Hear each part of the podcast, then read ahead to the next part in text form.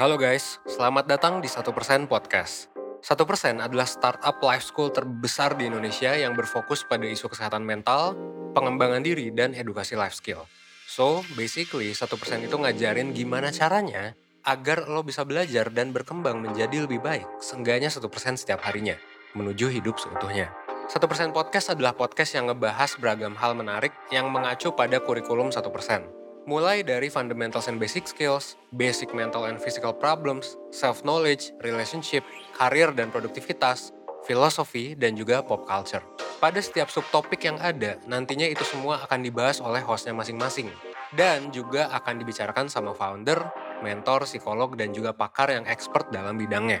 Lo semua bisa ngedengerin 1% podcast via Spotify, Google Podcast, Apple Podcast, YouTube, dan juga berbagai platform podcast lainnya. So, don't miss out and stay tune karena setiap harinya kita bakalan upload di jam 10 pagi. And that's all, enjoy 1% podcast.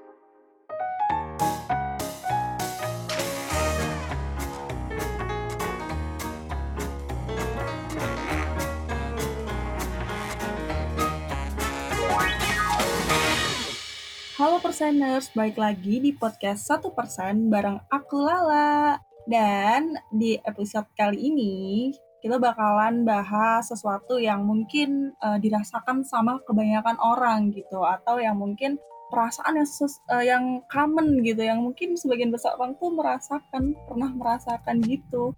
Nah, langsung aja aku ke topik pembicaraan malam ini yaitu rasa nggak percaya diri. Nah, mungkin buat perseners pernah nih ngerasa nggak percaya diri di suatu waktu gitu kan sedang menghadapi apa, sedang menjalani suatu hal dan ngerasa kayak aduh kayaknya aku nggak bisa deh gitu-gitu. Kayaknya mungkin itu common gitu ya. Nah, buat memperjelas semuanya, buat memberikan informasi yang infor informatif buat perseners, aku bakalan undang satu guest di, uh, di hari ini gitu kan buat cerita atau memberikan informasi yang lebih jelas dan lebih detail ke persen. Langsung aja aku panggil guysnya. Ada Andi. Halo, Lala. Hai Andi. Ya, halo. Udah dari suaranya kelihatan banget kalau ini ya. Uh, hari ini berjalan dengan lancar gitu ya kayak have a great day gitu ya kamu ya. Ya. Has a great day gitu. Ginilah di happy happy kan lah kak. Oh bener banget. Karena happy itu emang penting ya kak. Ya, sangat sangat sangat sangat penting. Oke, oke. Jadi aku mau sedikit bocorin sebenarnya Andi itu siapa sih gitu ke Perseners biar Perseners nggak penasaran. Andi adalah ketua BEM Fakultas Psikologi Universitas Buana Perjuangan. Ya, betul sekali. Kebetulan diberi amanah untuk memimpin gitu. Uh, oke, okay. jadi kayak aduh amanahnya keren banget sih sebelum sebelumnya ini aku memberikan selamat karena mungkin ketua BEM itu susah loh ya, berat loh ya gitu ya. Sebenarnya ujian sih kak, lebih ke ujian ya. ujian, ujian yang dibawa happy ya, biar nggak beban mungkin. Seperti itulah, hidup kan untuk dijalanin gitu. Oke, okay, setuju banget. Nah, aku tadi udah sneak peek nih sama perseners kalau kita tuh uh, hari ini bakalan bahas tentang rasa nggak percaya diri. Nah, kalau dari sudut pandang Andi sendiri, rasa nggak percaya diri itu yang seperti apa sih? Kalau menurut saya sih ya tidak percaya diri itu sebenarnya wajar sih ya. Manusiawi lah merasa tidak percaya diri. Rasa insecure rasa kurang kurang paham apa memahami dirinya sendiri gitu. Selalu membanding-bandingkan dengan orang lain. Kalau menurut saya sih wajar gitu manusiawi. Ya kalau kurang percaya diri itu lebih ke bagaimana ketika kita terlalu fokus pada orang lain keunggulan-keunggulan orang lain sehingga kita tidak memperhatikan kelebihan yang kita miliki gitu. Jadi kita cenderung akan lebih fokus pada kekurangan-kekurangan yang kita miliki gitu. Itu rasa-rasa kurang percaya diri kalau yang menurut saya ya, menurut saya pribadi gitu. Oke, jadi kayak mungkin kalau secara simpelnya itu lebih fokus ke kekurangan diri gitu ya dan yeah. banyak membandingkan dengan orang lain yang bikin diri tuh semakin jadi nggak percaya diri gitu ya ya intinya nggak nggak nggak yakin terhadap kemampuan diri sendiri gitu oh oke okay, oke okay. nggak yakin terhadap kemampuan diri sendiri oke okay, oke okay, oke okay. Nah, ngomong-ngomong tentang keyakinan atas kemampuan diri sendiri nih Kak, ini kan pasti banyak banget ya, maksudnya uh, rasa nggak percaya diri itu tuh banyak bisa terjadi pada beberapa aspek di kehidupan kita, bisa terjadi be di beberapa aspek uh, terhadap hal yang kita lalui gitu. Nah, mungkin ketika kita belajar sesuatu, apalagi sesuatu yang baru gitu kan, kadang kali kita tuh merasa kayak kayaknya gue nggak bisa deh, kayaknya gue nggak mampu deh. Gue bisa nggak ya? Kadang-kadang mempertanyakan hal seperti itu apakah hal-hal seperti itu tuh juga termasuk rasa nggak percaya diri kak? Ya termasuk ya itu juga ya itu berangkat dari kita yang menganggap diri kita lemah menganggap diri kita itu gagal menganggap bahwa diri kita ini tidak seberhasil orang lain. Itu kan merupakan kurangnya ke, tidak memiliki keyakinan tentang dirinya gitu. Itu termasuk kurangnya kepercayaan diri gitu. Oke oke, jadi emang itu salah satu uh, salah satu contoh rasa tidak percaya diri gitu ya. Nah kalau untuk uh, perseners nih, mungkin pengen tahu kalau misalkan rasa nggak diri sebenarnya tuh uh, bisa nggak sih dilihat secara ilmiah gitu? Ada nggak sih sebenarnya kak teori yang mendasari tentang rasa nggak percaya diri?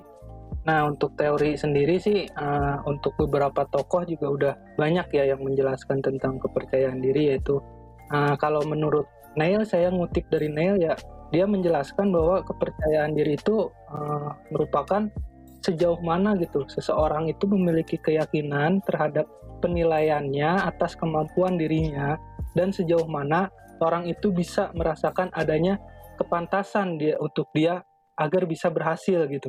Itu uh, kalau menurut teori ya, secara teoritis mengungkapkan bahwa kepercayaan diri itu keyakinan kita terhadap penilaian atas kemampuan kita gitu. Oke oke, jadi secara teori pun, secara ilmiah pun uh, ada dasarnya gitu ya? Ya, nah dari yang seperti yang tadi tokoh itu kan yang disebutin tokoh itu, jadi simpelnya itu masalah kita itu berawalnya ya dari pikiran kita gitu, dari mana kita meyakini, kita memikirkan bahwa kita mampu, ya itulah yang membuat adanya kepercayaan diri atau tidak gitu. Jadi semuanya berawal dari pikiran kita gitu. Oke benar-benar. Jadi kayak dari mindset kita dulu gitu ya, yang dipastikan. Betul betul. Oke. Karena kan zaman sekarang tuh uh, kalau ngomongin tentang rasa yakin sama diri sendiri itu kan kadang berjalan bersamaan dengan uh, insecurity gitu kan, apalagi di usia-usia uh, quarter life crisis kayaknya insecurity itu sangat tinggi, sangat muncul gitu kak. Iya betul kak. Karena ya saya pribadi pun pernah gitu merasakan hal-hal itu insecure, merasa dia tidak aman gitu. Nah dari hal itu tuh saya sebenarnya udah melewati gitu masa-masa itu sehingga ketika saya melihat teman-teman yang saya insecure gitu, saya bisa menganalisa gitu karena kalau dulu saya pada momen-momen itu dulu rasa insecure itu ya tumbuhnya itu karena perasaan kita yang nggak mau lebih banyak untuk berproses cenderung untuk melemahkan diri sendiri gitu nggak mau untuk terus berkembang berproses gitu. Yang saya analisa itu. Jadi sebenarnya inse mau insecure itu nggak masalah ya untuk insecure. Namanya perasaan itu kan ya namanya perasaan itu bisa timbul kapan aja gitu. Cuman yang jadi masalah kan kita jangan sampai kan berlarut-larut dengan perasaan itu gitu. Dan juga poinnya itu yang penting kan setelah perasaan itu muncul apa yang akan kita lakukan selanjutnya gitu apakah kita akan berada di posisi itu apakah kita akan menindaklanjutinya dengan kemudian berproses untuk mengalahkan rasa insecurity itu gitu.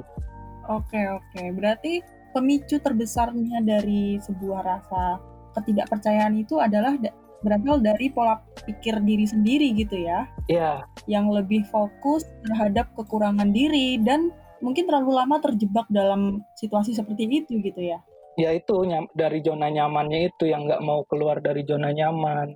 Apalagi kalau sudah didukung dengan lingkungan gitu seperti yang terjadi di tempat saya gitu masih banyak orang yang belum tersadarkan. Jadi dia masih membanding-bandingkan dengan orang lain dan itu pun diamini oleh lingkungan, oleh teman-temannya gitu. Teman-temannya pun bercerita sama demikian alhasil orang tersebut itu merasa saya ada orang yang sama ini kok gitu.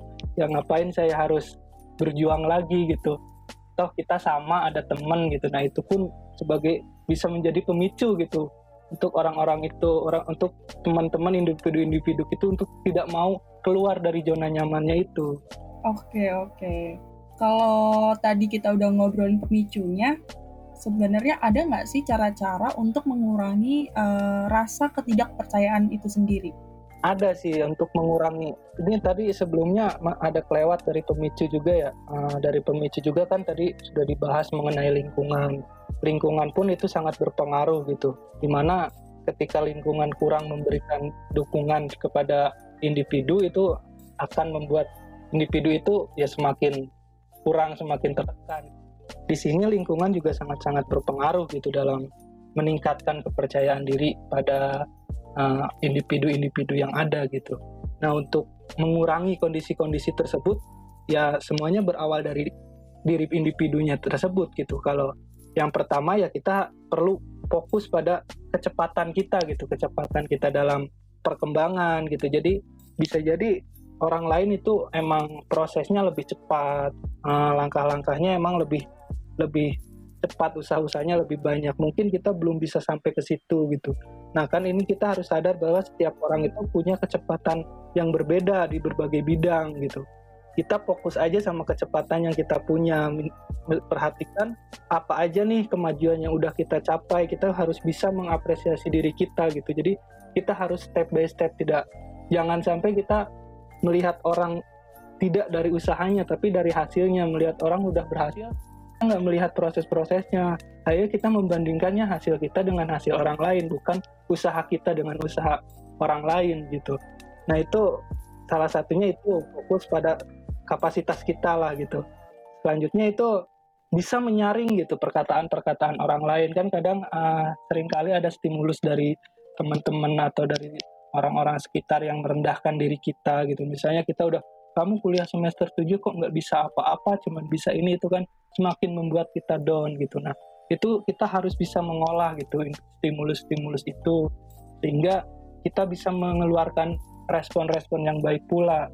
Misalnya ketika kita mendapat stimulus-stimulus yang seperti itu yang ibaratnya merendahkan kita, ya tergantung pada diri kita mau mengeluarkan respon apa nih, apakah kita akan omongan orang dengan melemahkan diri sendiri, menganggap diri ini diri sendiri lemah atau kita akan menjadikan omongan orang lain itu sebagai motivasi untuk saya bisa nih, saya buktikan omongan kamu salah gitu. Nah itu bisa gitu untuk mengolah omongan-omongan orang lain gitu. Nah selanjutnya juga yang paling penting itu jangan takut untuk memulai gitu sesuatu hal ketika kita tertarik pada sesuatu hal jangan takut untuk memulai gitu mulai aja dulu gitu jangan takut salah, jangan takut nanti bagaimana gitu. Karena dalam proses belajar itu namanya belajar itu kan proses, pasti ada pasti kita sangat butuh kesalahan untuk kita perbaiki gitu karena selama kita banyak salah, selama kita banyak memperbaiki pasti hasilnya pun nanti akan semakin baik gitu. Nah, yang terakhir itu ya itu yang berhubungan dengan lingkungan coba kita untuk mencari lingkungan-lingkungan ketika kita tidak mendapatkan lingkungan yang bisa mendukung kepercayaan diri kita atau mendukung potensi-potensi kita, coba untuk mencari lingkungan-lingkungan baru yang bisa meningkatkan kepercayaan diri. Ketika di lingkungan sekarang memang dirasa oleh kita tidak bisa gitu untuk mensupport kita gitu atau kalau saya dulu berpikirnya ketika saya tidak menemukan lingkungan yang bisa mensupport, saya harus menciptakan lingkungan yang bisa mendukung potensi-potensi saya gitu. Cuman untuk menciptakan lingkungan baru itu kan memang sulit, diperlukan dulu penyelesaian pada masalah pribadi gitu. Jadi kita harus menyelesai, menyelesaikan dulu rasa minder kita, insecurity kita gitu harus diselesaikan dulu baru kita menciptakan lingkungan baru yang bisa mendukung pada peningkatan kepercayaan diri individu-individu yang lain gitu. Itu sih Kak menurut. Oke, karena karena tadi kamu udah mention tentang kayak uh, mahasiswa semester 7 gitu kan. Jadi aku ke flashback sedikit nih tentang kebetulan kan aku baru banget lulus gitu kan. Jadi memori-memori tentang masa perkuliahan tuh sang, masih sangat deket gitu.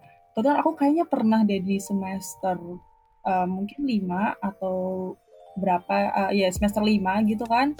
Kayak sempat ngerasa kayak tadi meragukan kemampuan itu. Karena mungkin karena semester 5 tuh uh, masa di mana lagi fokus uh, atau sibuk fokusnya terbagi karena sibuk dengan mungkin ada organisasi ada kepentingan di luar kuliah gitu kan. Jadi waktu ini aku jadi curhat nih nggak apa-apa nggak? Ya nggak apa-apa kak. Iya jadi curhat tipis-tipis akan konsultasi gitu ya.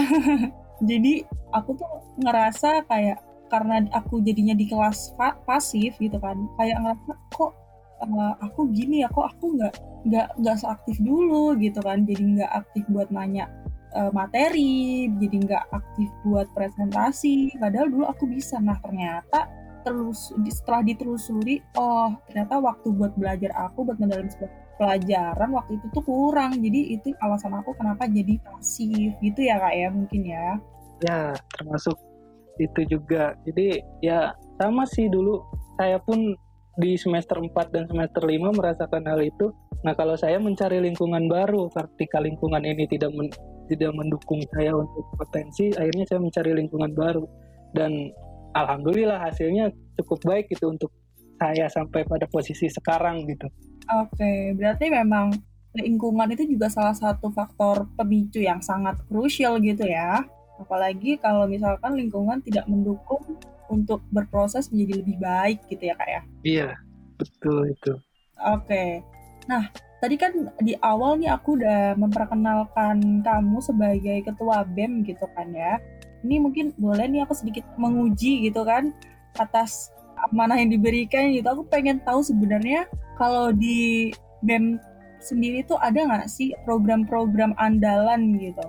Nah, kalau di kebetulan gitu ya, kalau di BEM karena ini berbicara tentang rendahnya kepercayaan diri, fokus saya pun itu kebetulan di BEM itu memang pada itu pada bagaimana bisa menanamkan minat-minat belajar kepada teman-teman mahasiswa yang lainnya gitu. Jadi dari awal pembentukan pun pengurus pun yang saya tanamkan kepada teman-teman pengurus itu kalau kita BEM itu bisa sarana untuk membuat lingkungan baru yang bisa meningkatkan gitu minat mahasiswa dalam bidang pendidikan dan keilmuan gitu. Intinya saya ingin program-program BEM ini bisa meningkatkan kesadaran mahasiswa agar bisa lebih semangat untuk berproses mencari ilmu. Nah, untuk program-program andalannya itu uh, ada beberapa ya. Uh, sebelumnya sih karena sebelum kita kan merancang sebelum pandemi tuh. Ketika sebelum pandemi kita udah benar-benar merancang yang udah sangat fix lah gitu. Karena saya rasa ini akan membuat ling, apa lingkungan yang baru karena akan diadakan di tiap-tiap minggu gitu diskusi-diskusi. Cuman karena pandemik akhirnya tertunda dulu tuh program. Nah makanya dari situ saya lemparkan kepada yang bisa dijangkau ketika pandemi yaitu di media online. Nah program-programnya itu yang jadi program yang unggulan itu pertama itu ada komuter lain gitu. Jadi komunikasi interaction via online. Di sini tuh kita membangun komunikasi dengan mengajukan pertanyaan di IG gitu. Seperti ya ada pertanyaan di IG nanti teman-teman pada ngebalas nanti kita share gitu. Terus ada juga publikasi interintegrasi kita menceritakan kalau hari-hari besar mencerita apa memposting hari-hari besar dan menjelaskan penjelasannya di caption gitu. Terus selanjutnya ya seperti webinar-webinar pendidikan dan keilmuan. Mungkin karena selama pandemi program-program yang kita unggulkan hanya di bidang-bidang itu gitu kak. Oke, berarti emang dari BEM sendiri itu uh, mewadahi atau memberikan wadah gitu kan untuk teman-teman yang mungkin sedang merasa nggak percaya diri dengan uh, diri sendiri gitu kan. Ternyata dari BEM itu ada satu program yang emang dikhususkan untuk meningkatkan minat dan uh, bakat seseorang terhadap uh, ini ya kayak proses belajar gitu ya. Ya, karena fokus saya di situ gitu loh untuk meningkatkan proses ya nalar-nalar nalar-nalar kritisnya terus minat-minat belajarnya fokus saya untuk meningkatkan itu karena sesuai dengan nama kabinet yang saya bentuk dulu kan kabinetnya juga kabinet sukses gitu. Yang artinya itu sukai proses gitu akronim dari sukai proses. Itu karena kita mengajak teman-teman untuk berproses gitu ayo berproses sama-sama gitu. Oke oke. Ini menarik banget ya. Berarti uh, BEM tuh bukan yang sekedar menjalankan uh, apa yang dinilai maksudnya proker-proker yang dinilai oke okay untuk dijalankan tapi juga mempertimbangkan uh, outputnya juga ya untuk mahasiswa-mahasiswa di UPB khususnya di fa Fakultas Psikologi ya kak ya Ya, betul. Oke, jadi emang uh, ini suatu apakah ini proker pertama yang fokus di meningkatkan minat bakat atau sebelumnya udah ada kak? Nah untuk kebetulan kalau untuk di kampus saya sendiri kan di UBP ini kampus yang baru gitu kak ya baru lima tahun lah masih bayi kalau dalam masa perkembangan itu masih fase-fase anak lah. Balita ya? Iya balita. Gitu. Nah, untuk psikologi sendiri itu baru berubah menjadi fakultas itu di tahun kemarin gitu. Sebelumnya itu kan masih program studi gitu. Akhirnya sekarang berubah menjadi fakultas dan BEM itu baru pertama kali ada di tahun ini kalau untuk BEM. Sebelumnya kan HIMA, Himpunan Mahasiswa. Nah, untuk sebelumnya pun sebenarnya sudah ada itu untuk program-program minat dan bakat mengenai pendidikan dan keilmuan itu. Cuman mungkin kurang maksimal gitu kurang ya kurang terlihat gitu. Nah di sini saya melanjutkan kepengurusan selanjutnya di Hima. Saya evaluasi yang kekurangannya akhirnya saya masukkan untuk di program-program sekarang gitu kan oh oke. Okay. jadi uh, bisa dibilang bahwa di tahun kakak ini prokernya khususnya tadi di apa meningkatkan minat dan bakat itu adalah uh, hasil dari optimalisasi uh, proker di tahun kemarin gitu ya? Ya. Iya kak bisa dibilang seperti itu. Oke untuk yang bisa mengakses atau mungkin bisa menikmatin layanan tersebut karena tadi kan dimention bisa di DM ya kak ya lewat Instagram gitu. Boleh dimention sekalian kan mungkin Instagramnya apa? Instagramnya ya ada bem underscore FF, FSI ya yang psikologi BEM FSI BEM underscore FS FPSI gitu. Oh oke, okay. jadi nanti itu terbukanya untuk untuk mahasiswa UBP aja ya? Enggak, itu untuk bisa semua sih itu umum di sini karena ada juga kan program ya ada program juga kan untuk uh, masyarakat umum. Oh ya nih nama ininya BMFC underscore UBP. Gitu. Karena ada program dari kita pun yang berhubungan untuk ke masyarakat umum gitu. Seperti kayak gaspol yaitu gerakan sadar psikologi. Jadi mengajak masyarakat umum untuk bercerita gitu.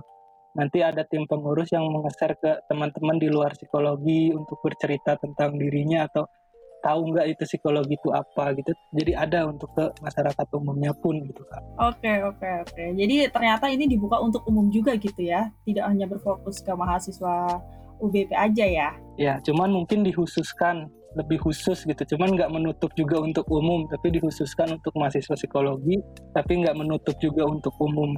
Oke oke, jadi masih kayak misalkan misalkan aku nih tiba-tiba DM terus ngobrolin tentang apa yang aku rasain sekarang gitu, khususnya di minat dan bakat terhadap belajar gitu bisa ya kak ya? Bisa, bisa aja. Kak. Sangat menerima kita. boleh deh nanti uh, mungkin besok aku langsung DM kali ya. Biar keta ketahuan banget kalau lagi menurun gitu kan kepercayaan dirinya. Tidak hanya kepercayaan diri kak ada hal lain tentang psikologi pun silahkan gitu. Oh gitu. Boleh boleh boleh. Nanti aku coba langsung uh, follow Instagramnya ya. Oke. okay balik lagi uh, bahas masalah rendahnya kepercayaan diri nih kak apalagi khususnya di proses belajar gitu kan kalau dari kamu sendiri sebenarnya ada nggak sih gitu solusi yang mungkin tepat gitu ya atau pas gitu untuk uh, orang para perseners di luar sana buat ngatasin perasaan tidak percaya diri gitu. Kalau untuk individu sih ya, kalau buat saya untuk perseners nih lebih kepada harus mau mengeksplor mengeksplor diri lebih jauh lagi gitu.